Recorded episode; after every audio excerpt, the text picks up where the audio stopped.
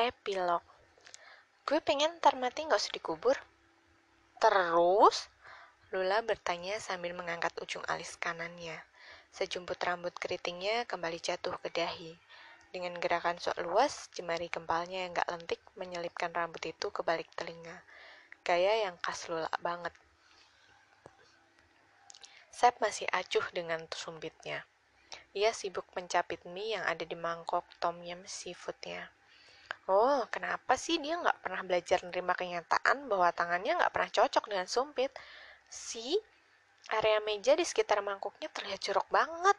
Cipratan air tom yum bahkan membuat bulatan-bulatan kecil di kemeja blueberry motif klasiknya. Cih, dasar Felix buduk, nggak berkelas, desis Lula ketika melihat Sep sibuk mengelap tumpahan kuah di kemejanya dengan ujung jari telunjuk, lalu memasukkannya ke mulut. Langit mengulurkan tisu ke arah Sep, memberi tanda agar ia mengelap mulutnya yang tampak berminyak. Jadi mau lo apa? Tanya Sep sambil mengelapkan tisu ke bibirnya. Langit tersenyum tipis. Dibakar. What do you think, dear? Lula makin melotot. Iya, dibakar, Ul gue nggak lagi nerangin rumus kalkulus yang gue kawinin nama matematika, please tampang lo tuh. Langit kembali menegaskan. Lalu abu gue disebar-sebarin gitu bersama angin. Ibarat judul novel, gue nyebutnya Gone with the Wine, Back to Universe. Lo dikubur juga kembali ke alam, sanggah Lula. Iya, tapi nggak hemat lahan. Sep menghempaskan sumpitnya, lalu mengambil sendok garpu yang ada di sebelah kanannya. Tampaknya ia mulai sadar diri kalau saat ini bukan waktu yang tepat untuk mengasah keterampilan makan dengan sumpil, sumpit. Well, Langit, sorry to say, but I hate pollution. Lula terkikik. Sebelah tangannya menutup bibirnya yang nyaris menyemburkan shrimp cheese pasta di mulutnya. Maksud lo? Langit bertanya sengit ke Sep. Dengan wajah sok cool, Sep tersenyum tipis. Gue nggak lagi nerangin teori hermeneutika yang gue kawinin sama semiotika. Bo, bayangin ketemu sama arwah lo aja gue udah ngerti. Apalagi kalau sampai lo jadi saudaraan sama daki-daki di badan gue. Ih. Isu penghematan lahan lo nggak cukup menarik buat kita. Tanda Lula. Sialan, langit memaki dalam hati. Harusnya Lula dan Sep sensitif dong dengan isu ini. Bayangkan, jumlah manusia yang lahir semakin banyak. Yang meninggal juga tiap harinya ada aja. Sementara luas lahan nggak pernah bertambah. Malah semakin berkurang. Nah, masa dua titisan iblis ini nggak paham sih kalau tanah pekuburan itu menghabiskan lahan? Langit yakin kalau begini, suatu hari sistem yang akan digunakan adalah sewa tanah buat kuburan. Polanya kayak orang kontrak rumah atau sewa kos, bayar per tahun. Kalau nggak bayar, berarti lo boleh berarti boleh dipakai buat kuburan yang lain. Aduh, langit sih nggak mau kayak gitu. Masa sampai mati pun ia harus berurusan dengan sewa menyewa, harus ngerepotin orang yang dia tinggalin. Hidup mati harus kontrak. Lihat, cukup mulia kan alasan gue? Tanya langit setelah penjelasannya yang membabi buta. Dua makhluk di hadapan langit bergeming. Langit, hidup itu kan persoalan kenangan. Tiba-tiba Lula menyeletuk. What? Langit memindahkan matanya dari cheese dog ball yang akan dilahapnya. Sepasang mata coklatnya menatap serius ke wajah Lula. Hmm, entah kenapa menurut langit, kacamata merah yang bertengger di hidung landai Lula itu baca pesek, sangat mengganggu kenikmatan mata langit. But anyway, kembali ke topik. Maksud langit, tumben Lula ngomong agak serius begini. Life is about memory, Lang. Kembali Lula menegaskan. Maksud lo? Maksud lo? Aduh, ini bukan teorinya John Locke yang dikawinin sama teori Darwin. It's just so simple. Manusia butuh simbol untuk apa pun itu yang berkaitan dengan memori. Bahkan agama pun butuh simbol, kan? Agreed. Langit manggut-manggut kayak burung hantu. Terus masalahnya? Lula, it's just such a waste of time. Percuma lo nerangin hal kayak gini ke dia.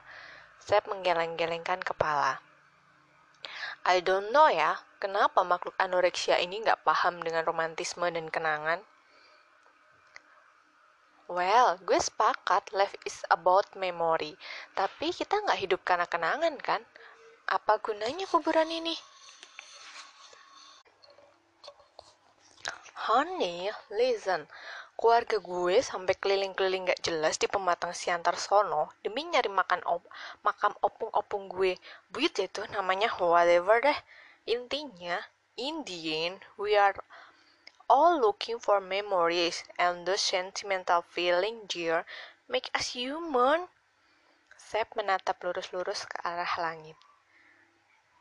Terserah lo mau rebuisasi kek atau mau tanam seribu pohon kek demi kelestarian alam, tapi ngorbanin hak lo dikubur dan dikasih makam. Hani, bahkan Greenpeace aja nggak akan sejahat itu nyuruh lo merelakan jasad lo dibakar. Emangnya lo apa? Hah? Ayam bakar Gayatri? Lula terkikik. Eh, eh, emangnya lo pengen kuburan lo kayak apa sih? Lula menjawil lengan Sep, berusaha mengalihkan pembicaraan. Habis langitnya udah mutung kayak muka lagi nahan ee sih. Dengan gue dan karakter gue yang flamboyan my dear, kuburan gue juga harus berkesan dong. Sep mendengus bangga. Jadi waktu kecil gue berharap nanti kuburan gue ada patung Doraemonnya. I know, I know, it's kinda weird. Tapi kalau lo mudik ke Sumatera lewat jalur bis, lo bakal ngeliat sepanjang jalan di kampung-kampung Batak tuh banyak banget tugu-tugu ompu bla bla bla lah, tugu marga anu lah. Ya gue nggak, ya gue nggak boleh kalah dong. Sebastian lucu, kuburannya harus lucu juga. Doraemon, dijamin mereka bakalan penasaran nanya-nanya soal gue setiap kali ngelewatin kuburan Doraemon gue. Serius loh? Tanya Lula lagi dengan antusias. Oh, oh, Jawab Sep tak kalah antusias. Oh no, kalian gila semua.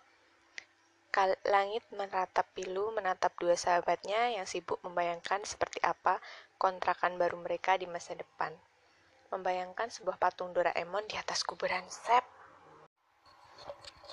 Lula sibuk menjejerkan foto-foto cowok yang bakal dikencaninya di atas karpet kamar tidurnya. Sehabis makan di Secret Recipe, Pondok Indah Mall, mereka memutuskan untuk bertandang ke rumah Lula yang terletak di daerah Cipete, Jakarta Selatan. Sebenarnya, kata bertandang terlalu manis buat langit yang ikut dalam kondisi terpaksa. Kronologis tepatnya, Lula sengaja ingin memamerkan foto cowok-cowok berpotensi yang dijaringnya melalui Friendster kepada Sep. Seperti biasa, Sep dengan semangat 45 langsung menyetop taksi dan menyeret langit untuk ikut bersamanya. I have my deadline. Keluh langit sementara Lula dan Sep sibuk mengamati foto-foto yang berserakan. Like I care. Jawaban yang diucapkan Sep dengan wajah dingin cukup menjadi tanda kalau ia nggak ingin mendengar kata tidak. How about this cutie hootie guy? Pertanyaan Lula membuat langit memicingkan matanya. Wow, lihat dong roti sobeknya. Dia suka ke gym deh kayaknya, girls. Sep merebut foto dari tangan Lula. Roti sobek. Sinonimnya six packs. Langit menjawab pertanyaan Lula sambil mencuri lihat ke arah foto yang ada di tangan Sep. Seorang cowok berwajah mirip seorang presenter acara memasak di sebuah stasiun televisi swasta tampak sedang duduk di kursi pantai. Kancing kemeja pantainya yang berwarna cerah dibiarkan terbuka, memamerkan perutnya yang dibuat yang disebut oleh Seps dengan istilah roti sobek. Oh my god, kenapa ganteng begini? Miskin jodoh ya? Honey, mungkin dia ini, mungkin dia adalah orang yang trauma dengan cinta. Sep menjawab genip-genip pertanyaan Lula. Atau mungkin aja kan itu foto palsu model Asia mana gitu. Friendster udah ngajarin gue banyak hal soal itu. Nggak semua orang pede dengan dirinya sendiri. Ada yang memilih lajang ma majang foto artis mana gitu di profil utama mereka. Ih, nggak banget deh.